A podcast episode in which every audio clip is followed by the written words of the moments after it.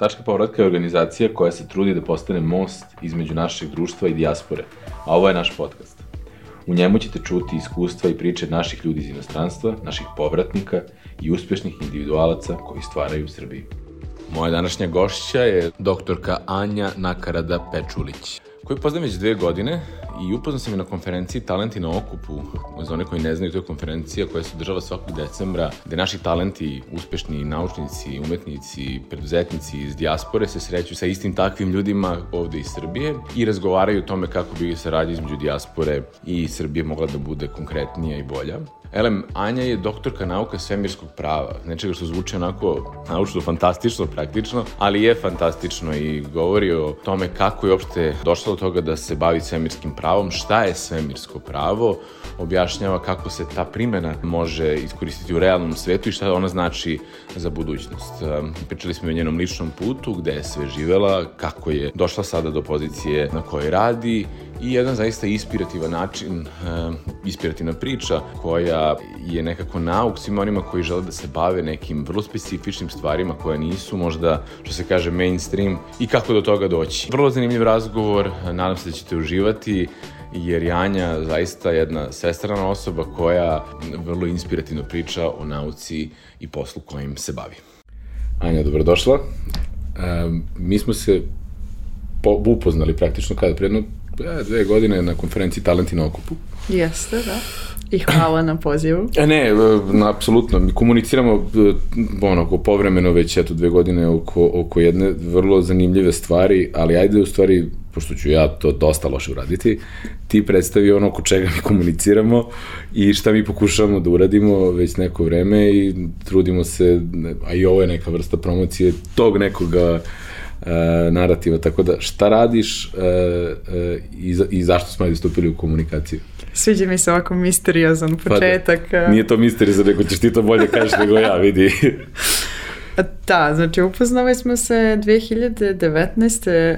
talenti na okupu i došlo je do inicijative tako što sam se javila da postavim pitanje mm -hmm. premijerki šta je sa nama koji smo egzotični društvenjaci u mhm. inostranstvu i hteli bi isto da se vratimo, ali nemamo prilike i na primjer, eto ja se bavim svemirskim pravom i znam da Srbija nije član organa u Ujedinjenim nacijama koji se bavi, koji je zadužen znači za regulisanje svih svemirskih aktivnosti i koliko mm -hmm. god to sad zvuči abstraktno zapravo uopšte nije zato što taj komitet broji 95 članica i Jugoslavija je bila nekad član, Srbija je kao naslednica pod ovaj, obaveza potpisnica obaveza i prava svih konvencija koje je taj komitet usvojio. Znači imamo sve predispozicije da budemo član, a nismo. I postavila sam pitanje zašto nismo člani, da možemo da postanemo član i onda je ovaj, premijerka prosledila to pitanje tebi i rekla da ti se javim posle Tako ovog je.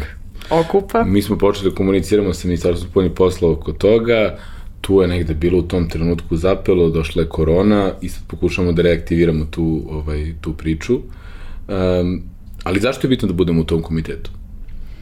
Zato što, evo ovako, e, svemir je opšte dobro i pripada svima i nema uopšte razlike da li je neka država ima razvijenu svemirsku industriju ili ne, tiče nas svih. I pogotovo što sve više i više zavisimo od infrastrukture koja je u svemiru, od satelita koje koristimo na svakodnevnom nivou, svi. Uh, imamo, znači imamo interes, zanima nas šta se dešava tamo i trebalo bi isto tako Srbija da ima svoje mesto za tim stolom gde se odlučuje o svim budućim pravilima ponašanja u svemiru. U bilo kom momentu kad odlučimo da želimo nešto da lansiramo ili čak ne moramo ni da lansiramo, da koristimo jednostavno podatke e, koje dolaze od, od satelitskih infrastruktura znači da apsolutno imamo interes i da bi onda trebalo i da šaljemo isto tako svoje ili stručnjake koje već postoje ili neke koji bi mogli da se obuče u taj komitet, da učestvuju u tim diskusijama, dijalozima, da daju isto svoje mišljenje i prosto da reprezentuju Srbiju i za buduće generacije koje mogu, možda budu bile više uključene. Ali meni je užasno zanimljivo to svemirsko pravo, pritom je, da, kažeš, u nekom trenutku si rekla da deluje pomalo abstraktno, ali nije. I verujem da pogotovo u nekim narednim de, ono, decenijama neće biti. Ali, evo neko, meni kao neko ko je lajk apsolutno ovaj, u tom domenu, um, kaži mi šta je svemirsko pravo, zašto je ono važno i za, ajde, na globalnom nivou, kako ono može da bude važno za Srbiju, šta mi, šta mi, imamo, šta mi možemo da imamo od toga sutra?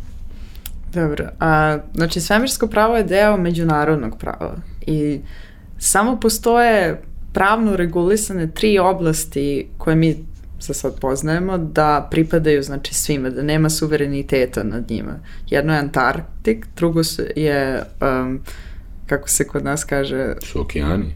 Da, high seas. Da, ove, kao ono sve što je 12 milja dalje, dalje od obale. Da, 20 nautičkih milja dalje od obale, to... O, o, Međunarodne vode. Međunarodne vode, hvala. I treće je, treće je svemir. I negde se uzima granica da je od 100 km na više da to je znači sve, svemirska oblast, ispod toga je vazdušna oblast, a vazdušna pripada pod suverenitet zemlje. Postoje pet konvencija koje regulišu znači sve što se dešava u svemiru. Tih pet konvencija su i dan danas na snazi, iako su ovaj, one su sve dogovorene i potpisane između 60, kraja 60-ih i 70-ih i one su i dalje jedine međunarodne konvencije koje regulišu sve aktivnosti. Što znači u bilo kom momentu da se odluči bilo šta da se radi a, sa svemirom, Srbija ili, ili privatna firma koja dolazi iz Srbije mora da poštuje te konvencije. Iz tog razloga nama je znači bitno da smo u toku sa tim i da pratimo šta se dešava, jer apsolutno niko ne želi da bude loš igrač po tom pitanju. Previše, previše riskantno, previše skupo i sve, svemir je zaista mesto gde kooperacija među državama je jako izražena. I to vidimo između čak i velikih sila kao što su i u vreme hladnog rata Sovjetski savez i Amerika uspostavili tad kooperaciju u tom polju. Na, na internacionalnoj stanici Mir, to, to je tu bilo. Tu Međuna. Međunarodna da. svemirska stanica, da, da, Mir je bio prva, pa onda su zajedno sklopili Međunarodnu svemirsku stanicu koja dan danas postoji mm -hmm. i postojeće verovatno do 2024 ali sve velike misije se rade znači sa udruženim snagama, ali pored toga možemo da pogledamo i trendove manjih država koje se isto tako udružuju da zajedno sprovode svoje misije, svoje aktivnosti.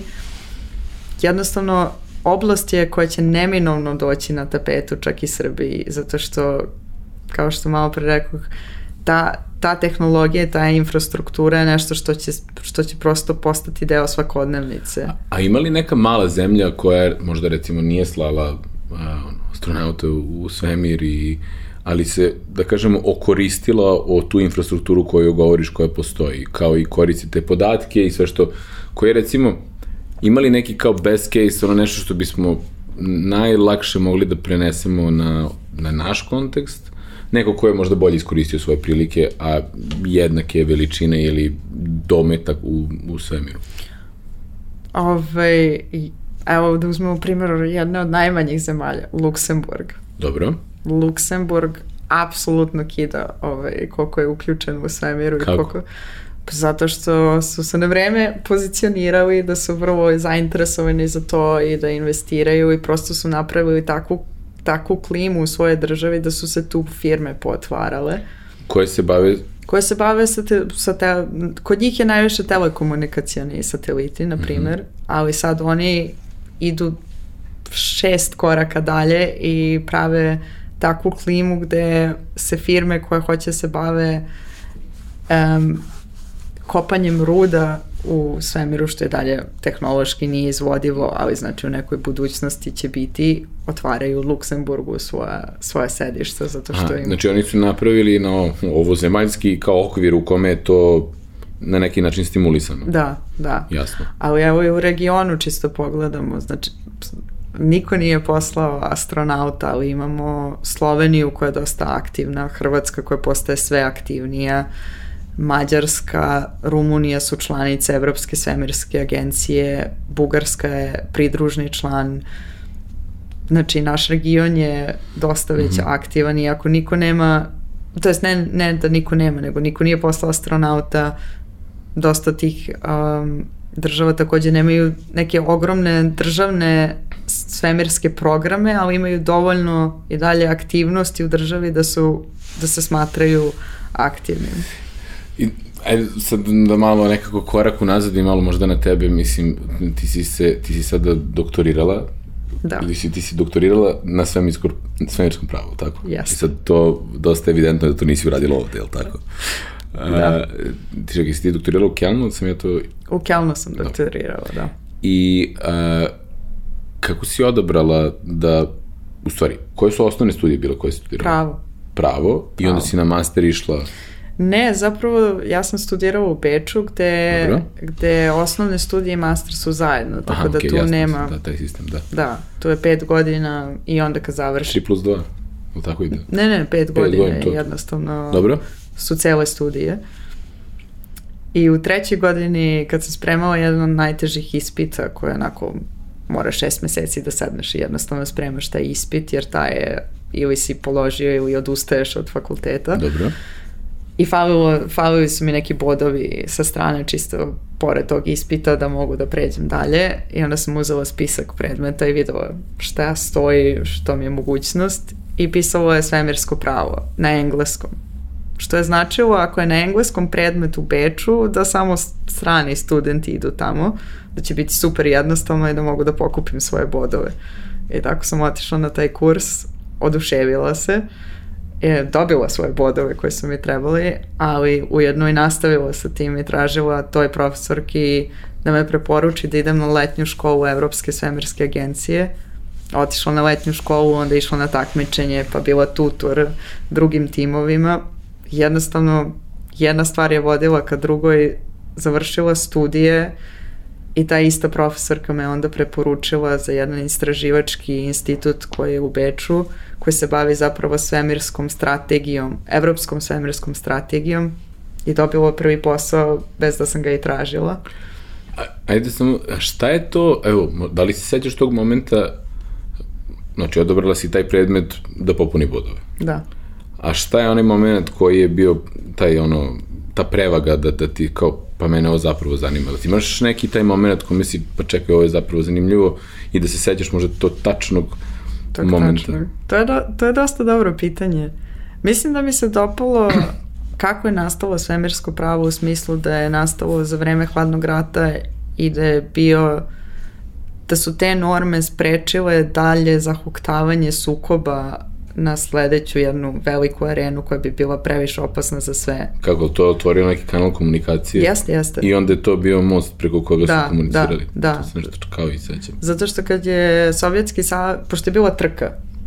I Ko će prvi u svemir, ko će ko- prvi na mesec. ko će Prvo je bilo ko će, Ko će- jednostavno da, prvi da, u svemir, ko će prvi da lansira satelit, ko će prvi čoveka da pošalje, ženu da pošalje, prvu Životinju, orbitu, da, napravi. Ali, znači, ta trka je postojala i moment kad se lansirao Sputnik je bio moment kad su shvatili, ok, ovo je previše opasno da mi možemo da lansiramo a, projektile u svemir bez da imamo ikakva pravila. Ok, moramo da sednemo za sto i da se dogovorimo. Gde će taj sto da bude, bit će u Ujedinjenim nacijama ajde da se dogovorimo oko osnovnih načela. I ta načela koja su sklopljena, znači 67.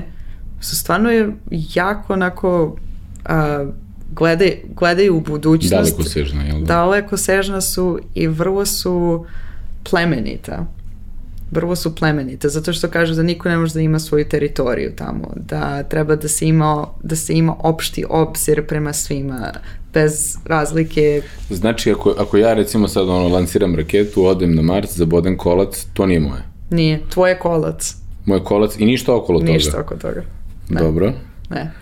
Tako da dopao mi se moment kako je nastalo, ali isto tako mi se dopala i činjenica da je jako dinamično polje koje se razvija, tehnologija i je ubrzano pravo nije ga sustiglo, znači zaustavilo se jednom momentu, tehnologija nastavila dalje da se razvija, što znači da za pravnike je vrlo kreativno polje, gde može Aha. da se učestvuje znači u novim normama koje će I tebe onda ta kreativnost u okviru tih normi privukla zato što si se bavila pravom pa ti to zanimljivo, Da. a svemir je došao tako nekako kao neki kao... Pa, dobro, svemir je onako fascinancije. Fascinantan, Da, ne, da, da.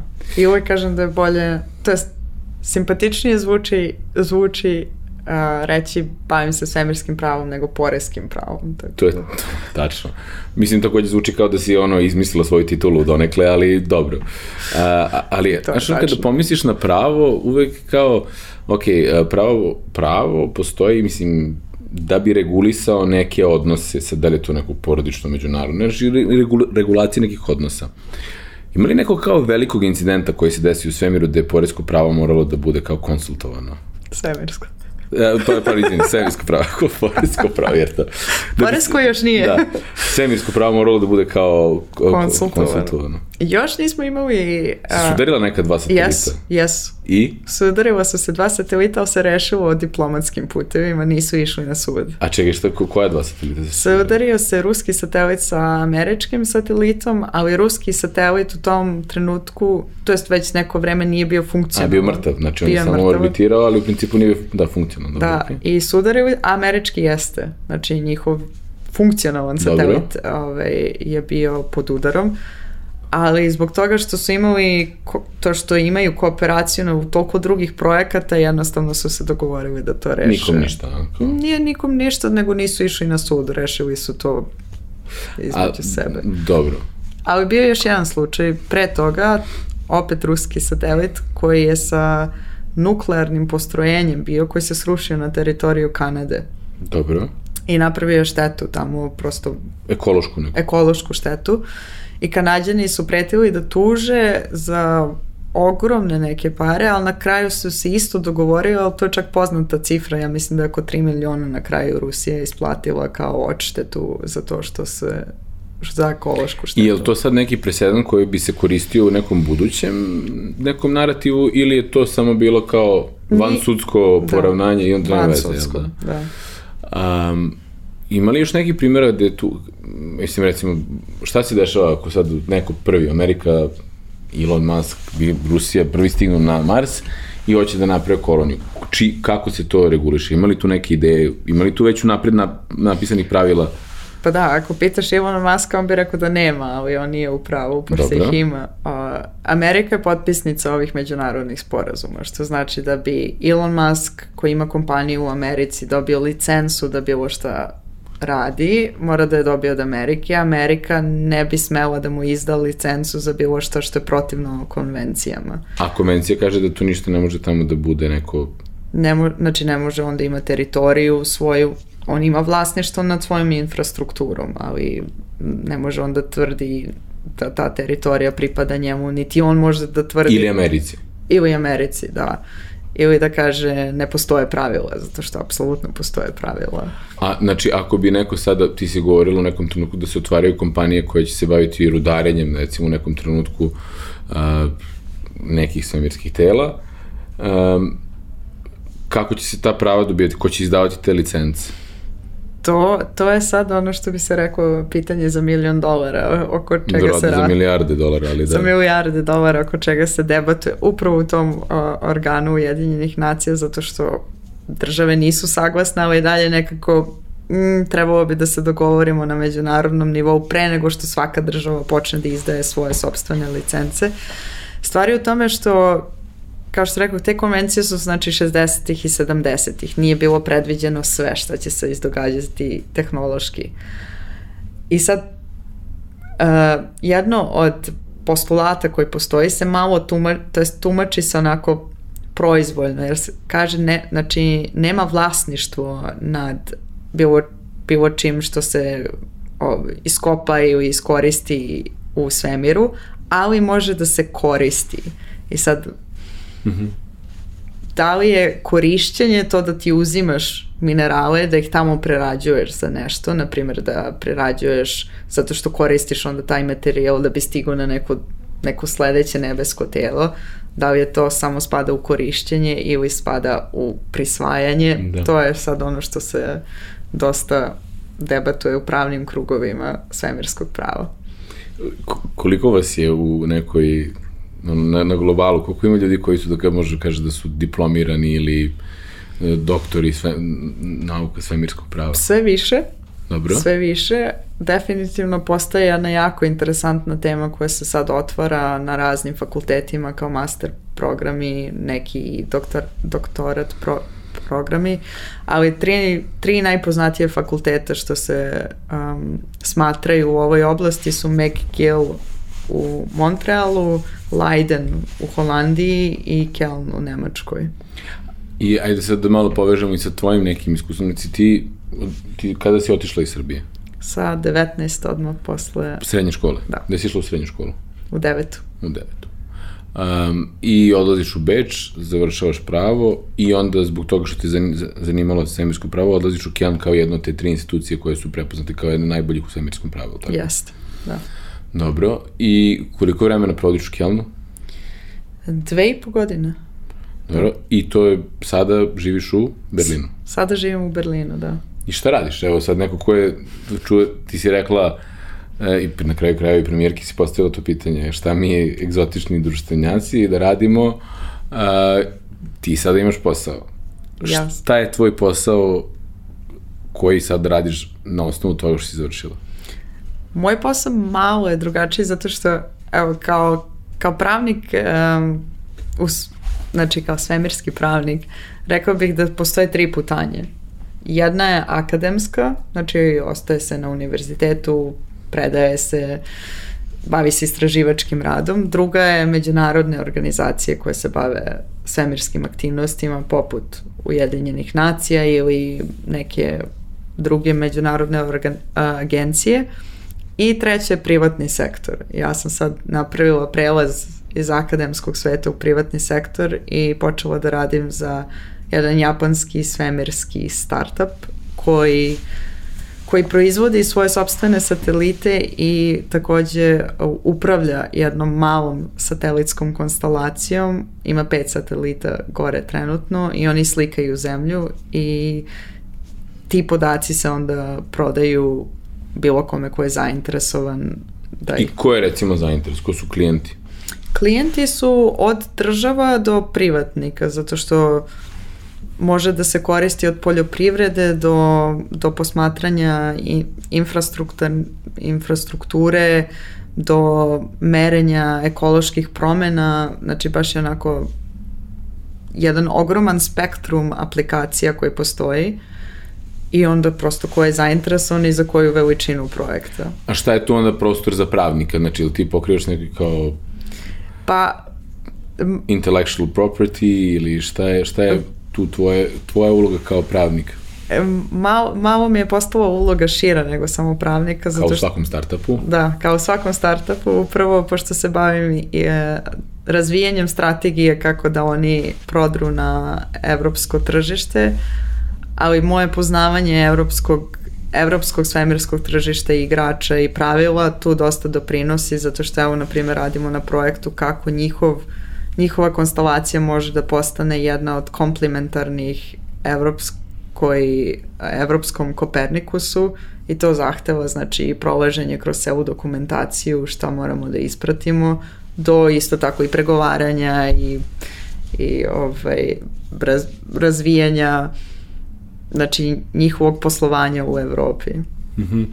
A šta je, i sad, koliko je to što se ti baviš svemirskim pravom povezano sa tim um, koliko ti pratiš kao razvoj situacije u toj nekoj novoj trci koja se dešava sada ne između zemalja, nego između privatnih kompanija, koliko si ti aktivno uključena u, u mislim aktivno, kad kažem, ne mislim kao sud, sudelac, nego kao, koliko to pratiš, koliko je to tebi interesantno? To, to mi. Bezos, uh, Elon Musk, uh, ko su i drugi, ovaj, iz Oracle, kako se zove, i on isto ima neku... Da, da, ovaj, pa baš je zanimljivo što evo sad u julu ćemo videti uživo trku Bezos koji je imao svoju aukciju veliku ko će da bude s njim još u Mhm. a, ovom Shepardu kad se bude a, prvi put lansirao i onda je Richard Branson rekao ah, mi idemo deset dana pre Bezosa ćemo da I to, bukvalno ta trka, jel da, da? Jeste, jeste, pa trka je svakako zanimljiva, mislim da je zanimljiva i ljudima koji se ne bave Da, da, da. ovaj, sve, svemirskim pravom, a s- pogotovo ako, ako poznajem, a poznajem zapravo osobu koja bi trebalo da ide sa Richard Bransonom na ovom letu. Stvarno? Da. Je li to kao, ko je, ko, ko je ta osoba? Mislim, Pa mislim inž, inženjer koja, devojka inženjer koja radi već dugo u, u Virgin Galacticu i koja će biti jedna od saputnika na tom prvom letu, tako da... I što, kako će izgledati taj prvi let? To će samo do Svemira i nazad i to je to, ali to je Ja prvi znam, da. komercijalni... Nije, Nije ne, to. ovo neće biti, ovo će biti test sa sa ljudima koji, mislim, ono, Richard Branson ide na svoj sobstveni let da dokaže da je on već, Prvi. Da. Da, u tom. Mislim, koje mačevanje, ali ovaj, šta, šta to, um, kako to utiče na tvoju granu posla? Mislim, šta se, um, šta ako se desi neka, recimo, ne daj Bože, ali nesreća ili neko, šta se dešava ukoliko, ili imaju druga pravila u svemiru oko nekih kao, kako to, šta hoću da pitam, ovde mi svi znamo manje više kako funkcioniše kao zakon ili neka, ne, mislim, neko pravo. Ima li nešto što je diametralno suprotno ili potpuno drugačije u svemiru nego ovde? E, ima, pra, ima to pravilo da se razlikuje gde je šteta nastala. Što Dobro. je jedno, jeste jedno od specifičnih odlika svemirskog prava. Znači, ako je šteta nastala na zemlji ili ili letelici u letu, onda je apsolutna odgo odgovornost, što znači ne mora da se dokaže da je ta osoba, koja, to je da ta kompanija, država, kogod, koja je izazvala štetu je načinila neki pogrešan korak, znači može biti apsolutna nesreća, ali ako je šteta izazvana na zemlji ili letelici u letu, Je to do 100 tih kilometara to- da. ili u celom tom letu? Ne, misli se na, na letelice koje pripadaju pod, Mhm. pod zemaljskom, ovaj, pod zemaljskim okvirom. Ali ako je šteta nastala u svemiru, znači satelitu nekom, e onda mora da se dokaže da, je, da postoji nemar, a to je vrlo onako isto otvoreno za interpretaciju. Šta znači taj nemar? Da li to znači zaista da, da to jest ako su radili sve što su mogli da urade i desila se šteta, da li je to i dalje nemar ili gde, gde je tačno prag nemarnosti Da. koji, koji je dovoljan ili ne. Ali još uvijek nismo imali slučaj koji je bio pred sudom koji bi rekao ovo, ovo su granice nemara koje dokazuju to. Razumem. A, znači, ti kažeš da su 60-ih i 70-ih već postavljena neka pravila kada tehnologija čak nije ni postojala e, koja bi mogla da isprati, a sad je tehnologija nekako otišla dalje od, od Da. prava i sad pravo u nekom trenutku pokušava da sustigne razvoj tehnologije, je li tako? Um, da li imamo sada sličnu negde situaciju u nekom domenu tog prava, da recimo već sada razmišljamo kako će izgledati život kada, ako jednog dana budemo multiplanetarna rasa, da li već postoje postavljena pravila, iako još tehnološki nismo tu. Ili ne. Ne, nažalost, baš, baš pravo trenutno kaska jako. Najnovije nešto što se desilo jeste da NASA, znači ne američka država, nego američka svemirska agencija sama za sebe ovaj, je postavila Artemis akorde. I to su kao isto neki opšti principi koji bi trebali da važe ako se osnuje stanica na mesecu ili se ode do Marsa gde 11 ili 12 sad već država su potpisali te akorde. I ti principi se isto pozivaju na ove već uspostavljene principe, ali idu malo dalje sa nekim, sa nekim ovaj, detaljnijim pravilima, s tim što je Mislim, pravnički je to onako velika zavrzlama. Znači, NASA je postavila te akorde, što znači da suštinski sama država, sama američka država nije obavezna da ih ispoštuje. Jer Zato- ona nije jedna od potpisnica tih ili... zato što nije organ koji bi trebao njih uspostavio, što znači ako, na primjer, američka vojska uradi nešto drugačije, ne može Amerika se poziva da je odgovorna da je prekršila sobstvene akorde, jer ovo je od jedne agencije, znači nije, nije na državnom nivou. Jasno. Ali druge države su potpisale na, drž na odgovornim državnim nivoima, što znači ako sad Južna Koreja koja je to potpisala i njihovo ministarstvo je to potpisalo, oni bi mogli da se pozivaju da su odgovorni što su prekršili neki od tih pravila. Jasno. Um, I sad, ti, kako, nekom trenutku smo razgovarali, i ti negde u nekoj budućnosti razmišljaš o nekom povratu, da se on desiti, neće desiti. Kako ćeš ovako jednu specifičnu stvar koja je tvoja ekspertiza, da li misliš da to može da primeniš u, nekoj, u našoj zemlji, na primjer? Pa mislim da apsolutno može, zato što ni veličina zemlje, niti to koliko je razvijena, nerazvijena trenutno svemirska industrija nema veze. Ajde, opet ću da se pozovem na neke od naših komšija, na primjer um, Slovenija koja ima svoju, svoj mal, mali institut koji se bavi svemirskim istraživanjima, koji su uspeli da lansiraju svoj, svoj prvi satelit prošle godine. Koliko košta da se lansira satelit? Neko, recimo, koji šalje neke osnovne informacije ili... Zavisi od toga koliki je i šta radi, ali sad su već dosta cifre samog lansiranja opale, tako da mali neki satelit koji, na primjer, univerzitet bi mogao da napravi sa svojim studentima, ako država malo podrži u smislu da kaže jeste, to je naš prvi satelit, onda će takođe i lans, o, kompanije koje se bave lansiranjem daju popuste. To može za nekih 150.000 već da se napravi i lansira. Euro, dolar ili tako nešto. Da, da, da. da. Um, Tedog da kažem da znači Slovenija koja je uspela to da uradi sa svojim jednim malim institutom povezano isto sa univerzitetima i to i koja je sada aplicirala da, da isto postane član ovog komiteta Ujedinjenih nacija, pošto taj komitet ima dva podkomiteta. Jedan je naučno-tehnički, a drugi je pravni. Znači u svakom slučaju ako neka država postane članica onda bi trebala svoje eksperte da šalje na jedan i na drugi. Što u nekoj perspektivi bi značilo ako Srbija postane da bi ja verovatno bila ok osoba da idem taj pravni podkomitet. I, I mislim, s obzirom na kvalifikacije, jedna od rehi koja uopšte ispunjava to.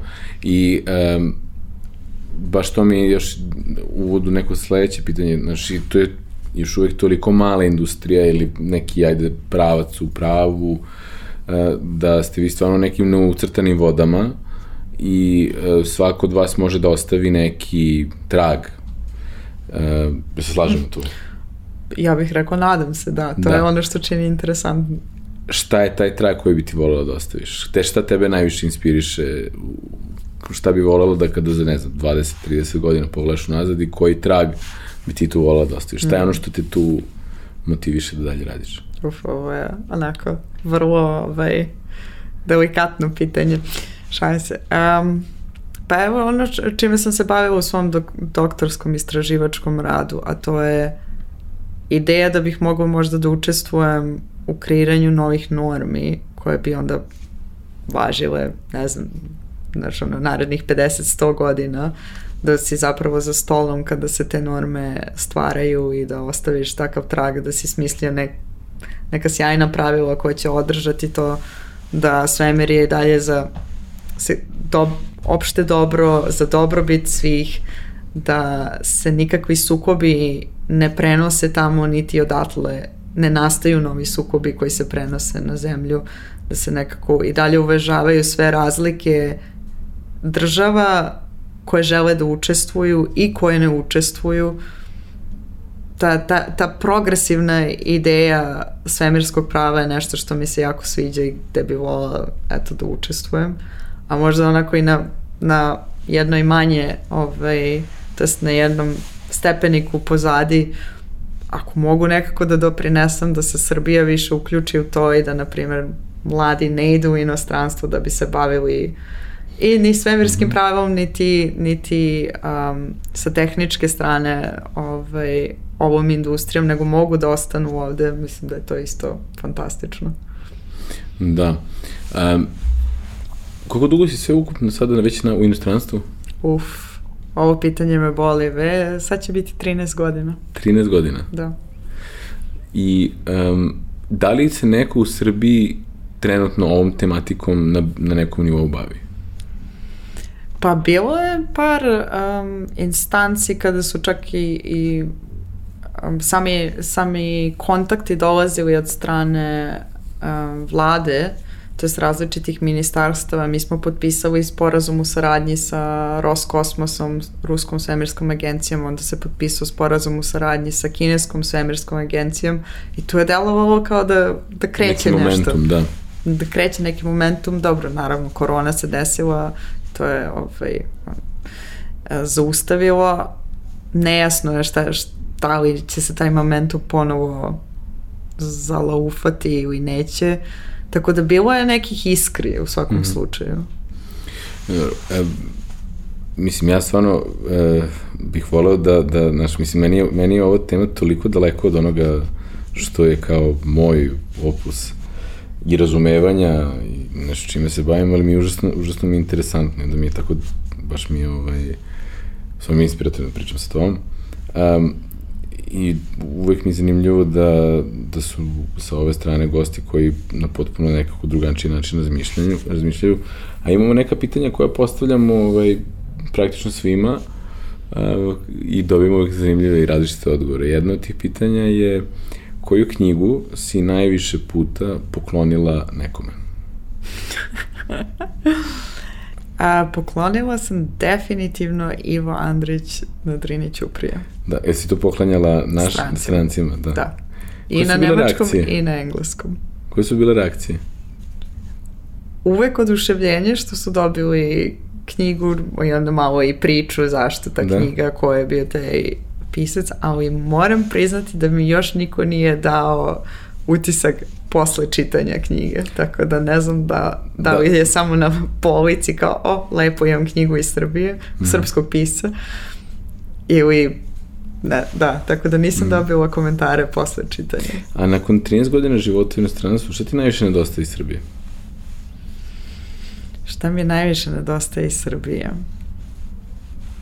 Pa verujem da da, ljudi uvek. Ovaj, mm. To je onako je, ovde sam odrasla i moja porodica je dalje ovde i svi najbliži prijatelji s kojima sam išla u osnovnu, srednju školu, nekako to, to ne može da se zameni da. ni sa čim, čak i ako mi je socijalni krug onako jako veliki i dosta i putujem i svašta i radim, ali taj osjećaj kad, kad dođeš ovde sa svojima si... Jasno. Da. A, još jedno pitanje, da imaš ono neki magični štapić kojim na, za 24 sata može da promeniš jednu stvar u ovom društvu, ali hajde da ne bude to da budemo učlanjeni u, u, ovaj, u taj komitet Ujedinih nacija i da to sutra svi prihvate kao apsolutno normalnu stvar koja je od uvek tako bila, koja bi to u našem društvu stvar bila? Koja bi, šta bi to promenilo? Baš društvenu stvar. Društvu, državi, među ljudima, sve jedno. Ono. Jedna stvar koja, pogotovo sa te neke internacionalne perspektive, te baš nervira. Mm -hmm. ne, nemoj da, evo, daću ti hint u smislu šta su neki drugi ljudi govorili, ali nemoj da u tom pravcu, da. recimo, neko je rekao puš, da, se ne puši unutra ili šta god, neko je rekao ekologija i kao Pa moram reći da mi je eto, isto prvo palo na pamet ekologija, ekološka neosvešćenost, mm -hmm. baš nekako sve više se vidi ta razlika iz inostranstva i ovde, da da ovde moraš da ubeđuješ ljude u neke stvari koje su tamo toliko više ni ne razmišljaš o tome, nego recikliraš, gledaš što manje plastiku da upotrebljavaš. Ljudi jako razmišljaju odakle hrana dolazi, šta se jede, to, to mi sve više upada u oči. Verujem da nije, da nije sigurno ne bi, ne bi magičnim štapićem verovatno iskoristila to, ali svakako upada u oči. Um, mislim da s obzirom na koronu i na to da imam, imam porodicu koja je malo starija, um, bolji zdravstveni sistem. Mm -hmm. Bolji zdravstveni sistem bi mi bio. I šta je, ne imaš li sad ovaj nekako možda i lično ono pitanje, ali imaš li neki plan o povratku i kada misliš da ćeš ono, ili da li misliš da ćeš se vratiti uskoro? Pa nadam se, mislim, povratak mi je nekako uvek otvorena mogućnost, nikad, nikad do sada i nadam se da nikad neću isključiti, ali konkretan plan nemam. Mm -hmm. Ako možda se popale nove iskre oko da. ove teme, ovaj, možda bude brže nego što mm -hmm. očekujem.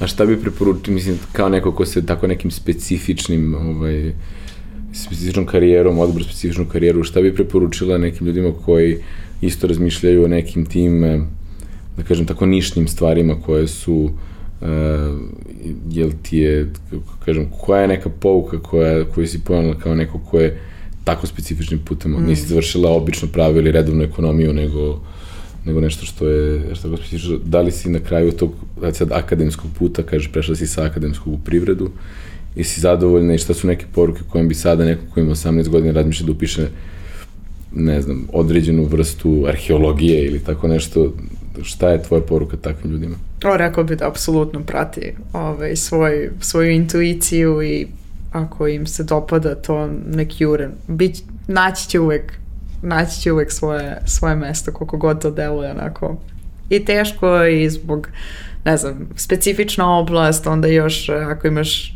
državljanstvo koje, gde države nisu učlanjene u to, pa je još teže, nema veze, prati, kura i, i mislim da nagrada da se bavi ovako nečim zanimljivim, pogotovo ako tu osobu to inspiriše, je daleko veća nego sve poteškoće koje moraju da se savladaju.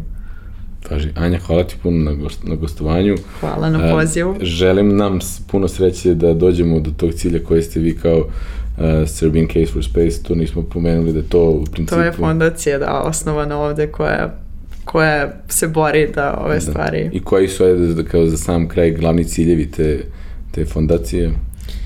Glavni ciljevi, u suštini glavni cilj fondacije je da se Srbija više uključi u svemirski domen. Mm -hmm. I sa to Ima nekoliko trasa. Ima nekoliko trasa, jedna jeste sa državnog nivoa, ali druga jeste i da mladi imaju projekte na kojima mogu da učestvuju i da privatne kompanije mogu da razmišljaju da proizvod, to jest da rade na razvoju takve tehnologije ili da koriste takvu tehnologiju u svojim industrijskim granama za, ono, za što bolje poslovanje.